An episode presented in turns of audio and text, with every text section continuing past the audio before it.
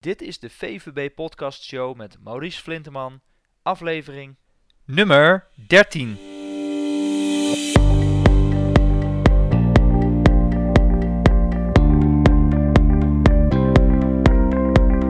Welkom bij de VVB Podcast Show, waarin je luistert naar experts die je voorzien van de beste informatie, tips en tricks om het rendement op je vermogen te optimaliseren. Vandaag gaan we in gesprek met Ton Lekkerkerker. Ton is notaris ondernemingsrecht bij Dirk Zwager in Arnhem. Zijn focus ligt op de notariële begeleiding van de directeur groot aandeelhouder, DGA en familiebedrijven, waaronder bedrijfsopvolging, estate planning en herstructurering. Ton heeft 12 jaar fiscale ervaring, onder meer opgedaan als inspecteur bij de Belastingdienst en als belastingadviseur bij een van de Big Four kantoren. VBI's hebben zijn bijzondere interesse. Vandaag gaan we in gesprek met Ton Lekkerkerker van Dirk Zwager Advocaten en Notarissen. Welkom Ton in de podcast. Dankjewel. Vandaag gaan we het hebben over is de VBI nog wel aantrekkelijk in 2017? Want in 2017 gaat er qua wetgeving uh, ja, een hoop veranderen. Uh, we hebben al eerder uh, pensioen en eigen beheer besproken en de vermogensrendementsheffing is ook in 2017 aan het licht gekomen. Hoe die eruit komt te zien. En zo gaan we vandaag dus ook in de VBI duiken. Um, kun jij allereerst uitleggen aan de mensen waarbij er niet direct uh, een lampje gaat branden als we het hebben over de VBI, uh, wat een VBI uh, precies inhoudt, Ton? Ja, daar, daar, moeten we uiteraard mee beginnen. Voordat we met de wijzigingen beginnen, een, een VBI is een beleggingsinstelling. En het mooie van een VBI is, is dat het een vrijgestelde beleggingsinstelling is. En vrijgesteld wil zeggen dat een VBI uh, geen vennootschapsbelasting betaalt en geen dividendbelasting betaalt. Uh, dus dat is een, uh, lijkt een heel aantrekkelijk vehikel voor met name voor, voor DGA's. De VBI is al in 2007 ontstaan omdat toen het ministerie van Financiën zag dat er vrij veel kapitaal naar, naar Luxemburg vluchtte, met name voor grote participatiefondsen. Uh, toen is er wetgeving gekomen die net zo gunstig was als de, als de Luxemburgse wetgeving.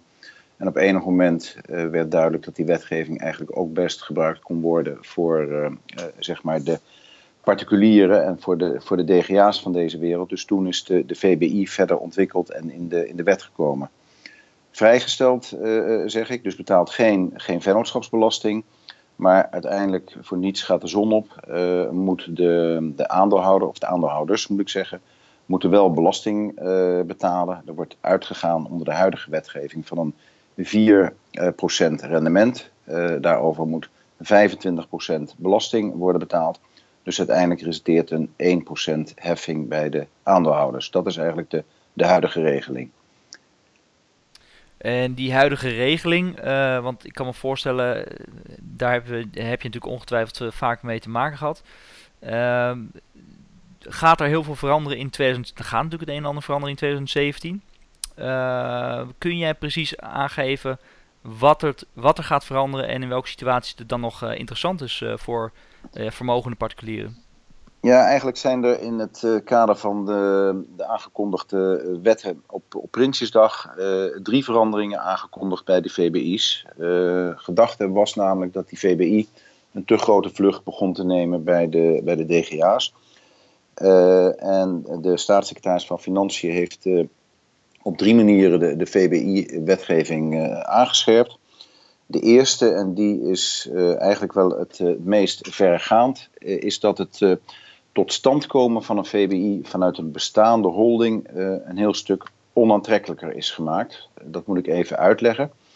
In de praktijk uh, kwamen VBI's vaak tot stand doordat een directeur-aandeelhouder in een BV een groot bedrag aan liquide middelen had.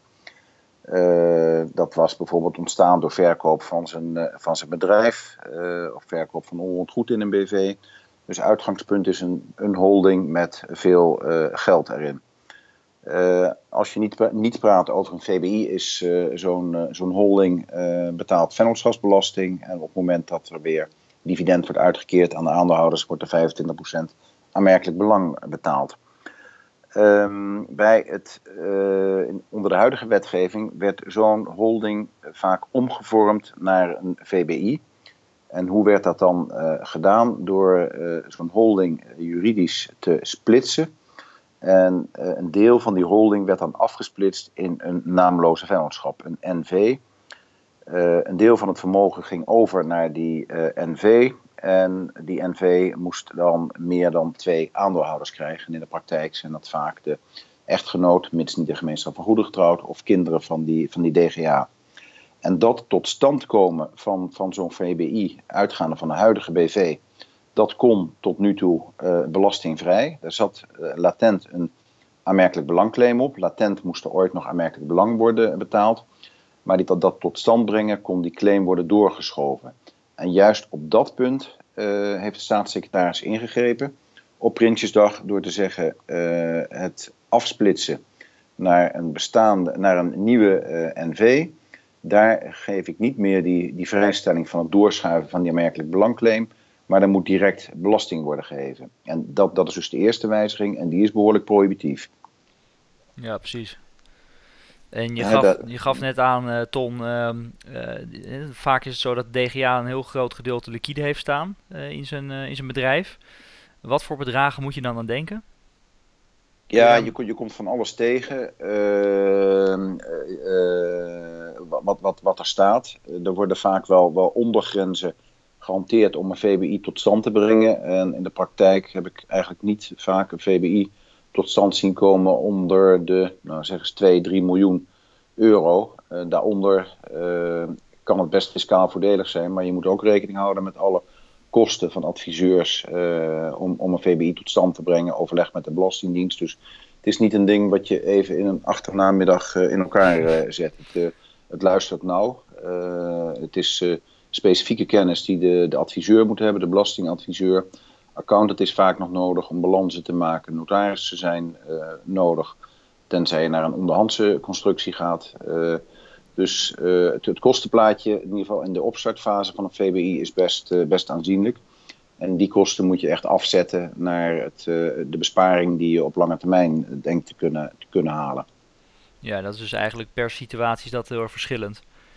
Dus ja, nee, dat, dat geldt zeker. Uh, VBI's is geen uh, broodjes die je bij de bakker haalt. Het is uh, in zijn algemeenheid maatwerk. Vereist goed overleg tussen de, de vermogensplanner, de belastingadviseur en de notaris. En vaak zie je ook dat de, de totstandkoming ook nog wordt afgestemd met de fiscus. Dus het is niet, nogmaals niet iets wat. het, is geen commodity die snel tot stand komt.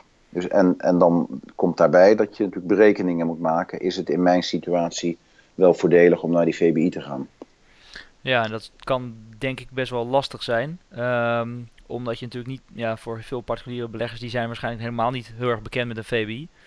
Af en toe hoor je mensen er wel over praten. Maar goed, in 2017 gaat er dus het een en ander veranderen. Daar heb je al uh, uh, één verandering van aangegeven. Ja, dat klopt. Dus die totstandkoming vanuit een bestaande BV uh, is, is onaantrekkelijker omdat het uh, aanmerkelijk belang gaat, uh, gaat kosten. de tweede verandering is dat de tarieven om, omhoog gaan. ik zei net in, in mijn inleiding dat het tarief nu 25% is, uitgaande van een rendement van, van 4%. En die uh, 4% uh, wordt uh, verhoogd naar uh, 5,5%. dus per saldo wordt dat, dat onaantrekkelijker. En die 5,5% is ook weer de 5,5% die we kennen uit de nieuwe Box 3 tarieven die in de vorige podcast aan, aan de orde zijn, zijn gekomen. Ja. en het plan is ook om op lange termijn de, de tarieven die voor de VBI gelden eh, te laten meeschommelen met de tarieven die in box 3 gaan, uh, gaan gelden. dus het wordt uh, met name bij de hogere vermogens en bij een VBI praat je vaak over hoge vermogens, wordt het in de berekening wat onaantrekkelijker doordat die tarieven omhoog gaan. Dus het kan zijn dat er bepaalde klanten nu met een VBI zitten of die een VBI hebben opgezette structuur, waarvoor het nu niet meer uh, interessant is in, de, in een nieuwe situatie 2017, als ik het goed begrijp. Ja, dat is. Kijk, mensen die in een VBI zitten, uh, worden wel met de nieuwe tarieven uh, geconfronteerd, maar dat is dus een kwestie van, van rekenen. ja, wat, wat, wat, hoe was de belastingdruk in de oude situatie en hoe wordt die belastingdruk in de nieuwe situatie? Ik denk dat het per saldo voor de, voor de goed renderende VBI's nog steeds uh, voordelig kan zijn. Want een tarief van, van 1% of iets, iets meer straks is nog steeds een uh, aantrekkelijk uh, tarief. Het hangt ook sterk af van welk, welk feitelijk rendement haal je nou in je, in je BV. Nou, wie dat weet, of in je NV moet ik zeggen. wie dat weet, die, die mag het zeggen. Ja. Op het moment dat die rendementen echt ver uh, omhoog gaan, dan, dan kun je in zijn algemeenheid zeggen dat het eigenlijk uh, misschien zelfs aantrekkelijker is om in box 3 te zitten dan in een uh, VBI-situatie. Want uiteindelijk zul je, als je die VBI weer aftakelt, zul je toch wel weer aanmerkelijk belang moeten betalen. Dus, en, en die heffing wordt nog vaak in de praktijk vergeten, zie ik. Ja, en dat is natuurlijk niet een hele onbelangrijke. Uh, maar je geeft net aan box 3. En dat betekent dus dat je je vermogen dan uh, naar uh, je privé situatie haalt. Ja, als, als je de VBI weer zou, zou aftuigen, opheffen omdat je zegt, goh, het tarief wordt toch wat, wat hoger, dan komt uiteindelijk het vermogen natuurlijk in box 3 terecht. En dan krijg je te maken met de nieuwe regels in, in box 3. Ehm, en box 3 noemde ik alleen omdat de, de bedoeling is dat, dat, dat de tarieven gekoppeld worden aan de tarieven zoals die ook in box 3 gaan, uh, gaan gelden. Dat is een van de onderdeel, uh, een onderdeel van de plannen die er, die er liggen. En nog even over die, uh, die, die belastingheffing, hè, die aanmerkelijk belangheffing. Mm -hmm. Het bijzondere is dat bij het, het, aankondiging van het wetsvoorstel, en dat kwam naar voren op, op Prinsjesdag, is er terugwerkende kracht aangekondigd. dat is best bijzonder, omdat over het algemeen de Tweede en vooral de Eerste Kamer heel huiverig is uh, om terugwerkende krachten aan te nemen. Maar de, de staatssecretaris was kennelijk bang voor, uh, nou ineens versnelt iedereen de, de, de VBI'en. Dus er is gezegd, alle gevallen die naar de VBI gaan vanaf Prinsjesdag, ik meen kwart voor twee of iets dergelijks, vallen onder, het, onder de nieuwe regeling. Dus wie op tijd was, was op tijd. En degene die daarna, en dat zijn natuurlijk alle gevallen die, die nu spelen, uh, aangekondigd worden, krijgen te maken met die, uh, met die nieuwe heffing. Uh, daar was de Raad van State behoorlijk kritisch over. Die houdt over het algemeen niet van, van terugwerkende kracht. het moet nog door de Tweede en de Eerste Kamer. Maar als ik zo naar de parlementaire stukken kijk, dan zie ik wel dat, dat nou ja, de meeste Kamerleden het allemaal prima vinden dat belastingconstructies worden aangepakt. En dat er een deel terugwerkende kracht in zit, daar lijkt niemand van, van bakker te liggen. Misschien nog de Eerste Kamer, maar dat, dat weten we niet. Ja, nou ja dus dat, dat moet nog blijken. Uh, als ik je goed begrijp. Uh, en Ton, uh, ik kan me voorstellen, je gaf net aan, het omslagpunt ligt rond die 2, 3 miljoen. Hè? Dus per uh, individu is het dus eigenlijk, moet je het laten doorberekenen wanneer het interessant is om, om mogelijk nog een VBI ook in 2017 op te richten. Ehm, zijn er nog bepaalde situaties waarin je zegt van nou, dan is het ook nog interessant om naar een VBI te kijken? Ja, het, het, kan natuurlijk zijn dat er helemaal geen sprake is van vermogen in een, uh, in een holding. Uh, maar dat er al vrij vermogen in, een, uh, in, privé zit. Hè? Dus niet, niet in een BV. Dan heb je helemaal niet te maken met die, die aanmerkelijk belangheffing en die, die terugwerkende kracht die ik net noemde. En dan zou het best aantrekkelijk kunnen zijn om te zeggen, nou ja, ik, ik heb veel vermogen in, in, in privé. ik ga toch kijken naar een, een VBI constructie en die kan belastingvrij tot stand worden, worden gebracht. Het punt is wel dat je hem een tijd in stand moet laten, want uh, in de praktijk zag je wel constructies met uh, bokschoppen, hè, dus dat er tijdelijk, zoals dat heet, tijdelijk werd gewerkt met een VBI en tijdelijk weer uh, uit elkaar werd, werd getrokken. Dat, dat bokschoppen, dat is nu ook in de, dat noemen ze dan de flits VBI, dat is ook in het nieuwe plan aangepakt flits VBI's, uh, die, die worden onaantrekkelijk gemaakt omdat er een langere termijn zit van 18 maanden dat een structuur in stand moet, uh, moet blijven. En dat was dan de derde maatregel die, uh, die aangekondigd is. Ja, dus eigenlijk is het wel, zoals we al eerder constateerden, een stuk minder interessant gemaakt. Ja, in ieder geval voor, voor de mensen die nu het vermogen in een, in een holding hebben zitten. we moeten uiteraard die parlementaire behandeling nog, nog afwachten. De verwachting is wel dat het er doorheen gaat komen. En dan zou het vanuit die optiek, eh, want je haalt namelijk je aanmerkelijk belangheffing haal je naar, naar voren. Nou, dat betekent 25% belastingheffing over het eh, vermogen wat in, eh, in de holding zit.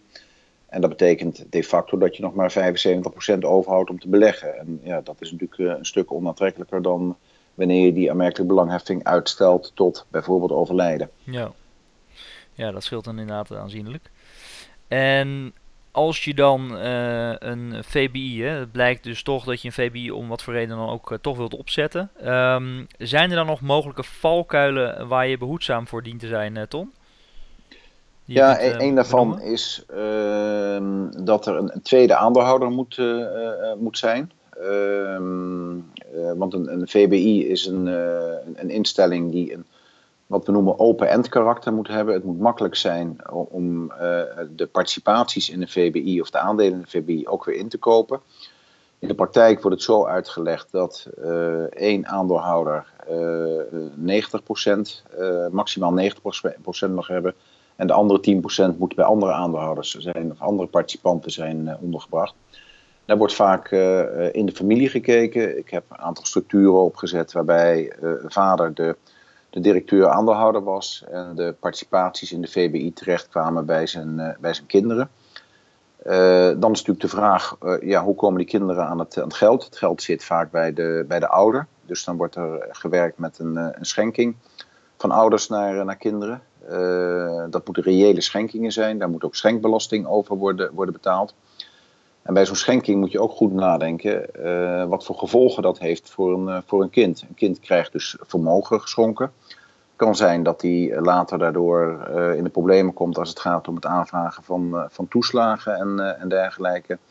een kind kan op het verkeerde pad komen. Kun je dan nog zo'n schenking terughalen. Dus, dus daar zitten ook allerlei civielrechtelijke aspecten aan, aan, aan, aan dat meer aandeelhouderschap. Dus dat is ik zou het niet direct een valkuil willen noemen, maar het is wel een belangrijk aandachtspunt bij het uh, tot stand brengen van de VBI. En daar zie je ook vaak een samenspel tussen de, de notaris en de, de belastingadviseur, die vaak het voortouw heeft, uh, of de bank, bij het tot stand komen van een VBI.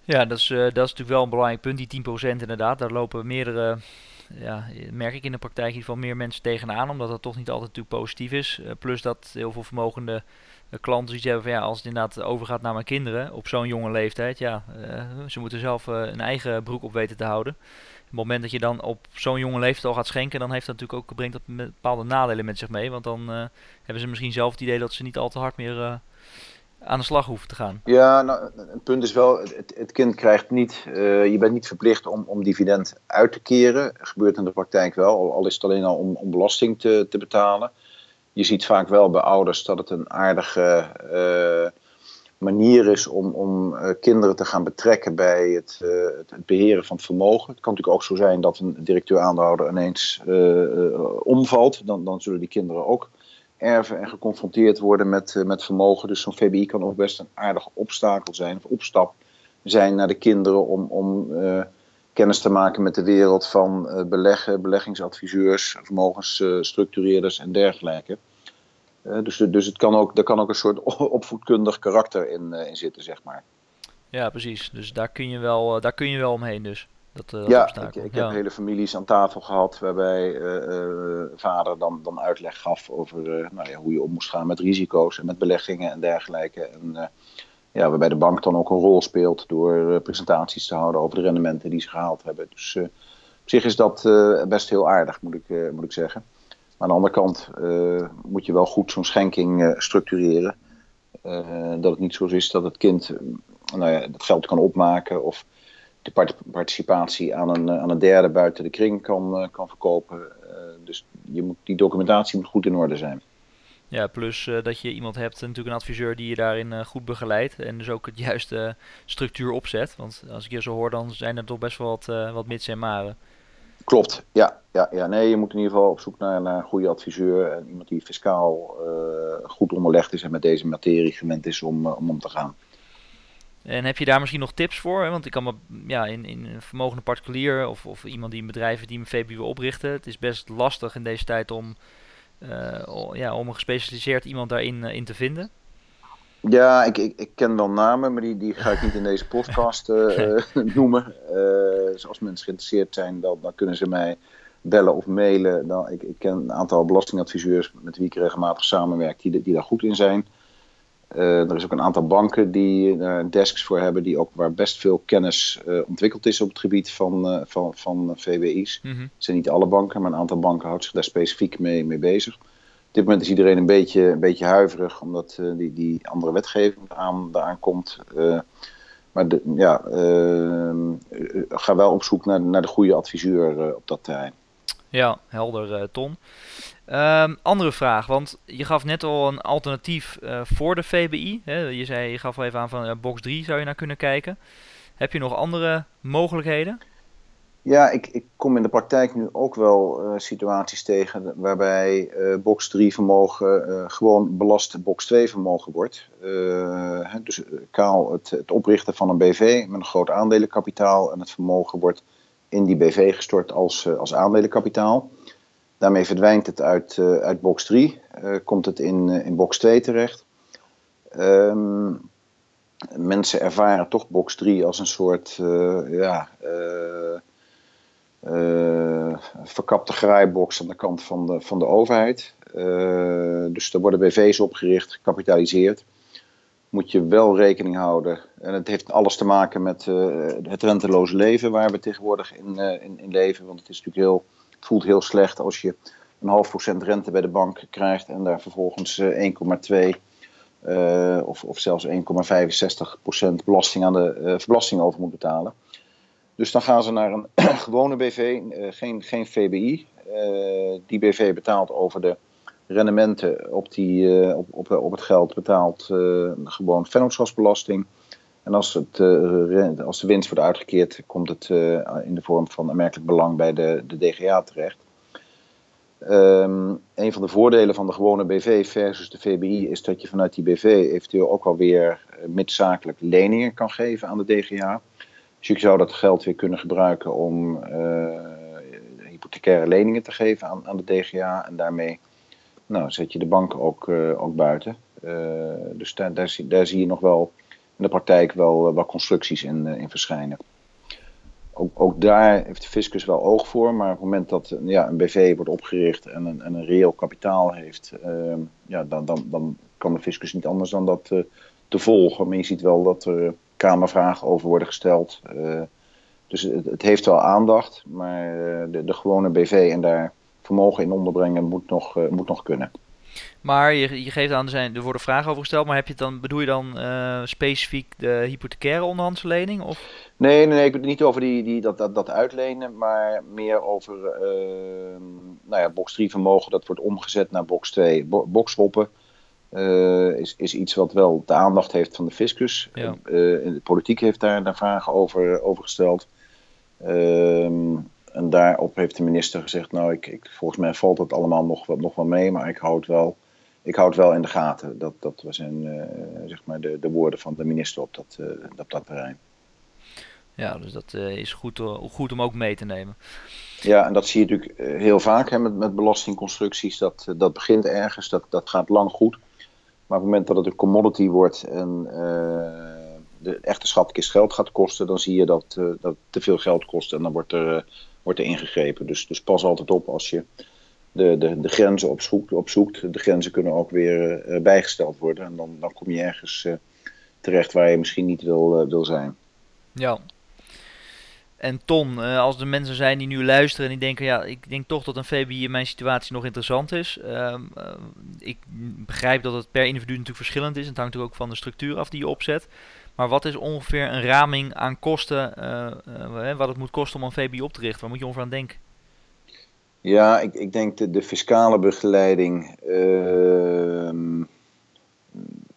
enkele duizenden euro's. zeg maar rond, rond de vijf misschien. De een zal het goedkoper doen, de ander zal, zal duurder zijn. Ehm, je hebt de, de keus om het uh, via notaris tot stand te brengen. Dan wordt het een NV, dan heb je echt die notaris nodig. Dan heb je een splitsing, uh, het oprichten van de NV, het vaststellen van de fondsvoorwaarden en dergelijke. Nou, notarissen rekenen daar ergens tussen de nou, zeg 4 en, en 7000 euro voor. Ook, ook wel lage en ook nog wel uh, hogere bedragen. Ehm Banken zullen uh, wellicht ook nog wel uh, fees uh, rekenen. De accountant, je krijgt natuurlijk ook later weer te maken. Stel, het zit nu gewoon in box 3. Dat is toch iets makkelijker voor een aangifte dan wanneer er een, ook nog een, een, jaarrekening moet worden gemaakt voor zo'n zo'n vennootschap. Je hoeft weliswaar geen aangifte te doen, maar moet er gewoon een jaarrekening worden gemaakt. Dat, dat kost toch ook gauw 1500, 2000 euro per jaar. Dus al met al moet je die kosten wel goed, goed focussen en proberen helderheid over te krijgen. Maar iedere adviseur moet van tevoren kunnen aangeven wat zijn bemoeienissen kosten. Dus het is altijd goed om daarnaar te vragen. Ja, dus als je het zo hoort, dan zijn het nog wel dingen waar je, wat je even goed moet doorrekenen, omdat het toch wel in de papieren zou kunnen lopen.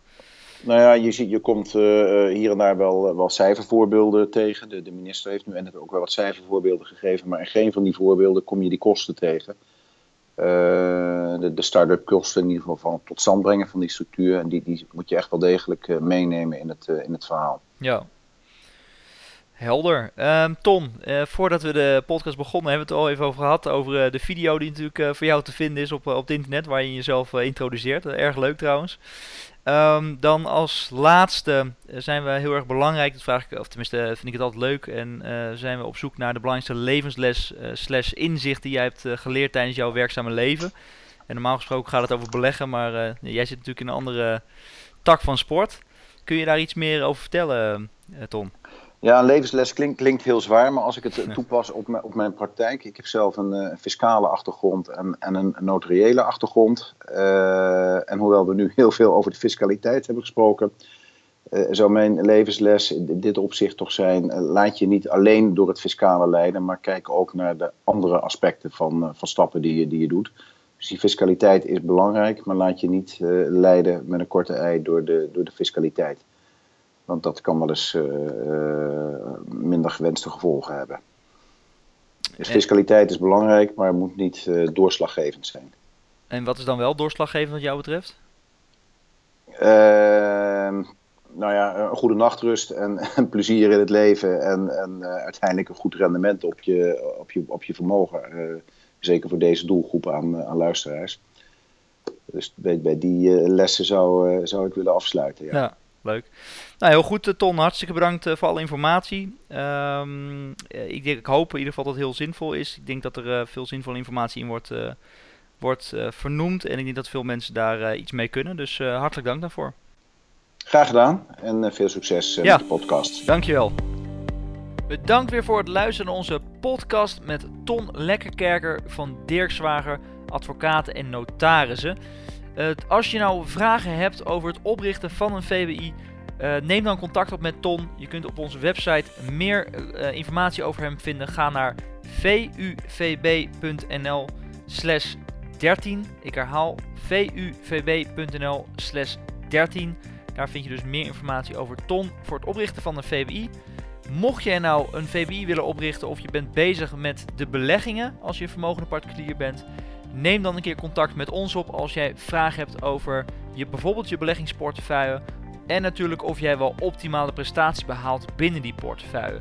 Dat kan je dus ook doen op onze website vuvb.nl slash beleggen. Ik herhaal vuvb.nl slash beleggen. Laat je contactgegevens achter. Wij nemen zo spoedig mogelijk telefonisch contact met je op.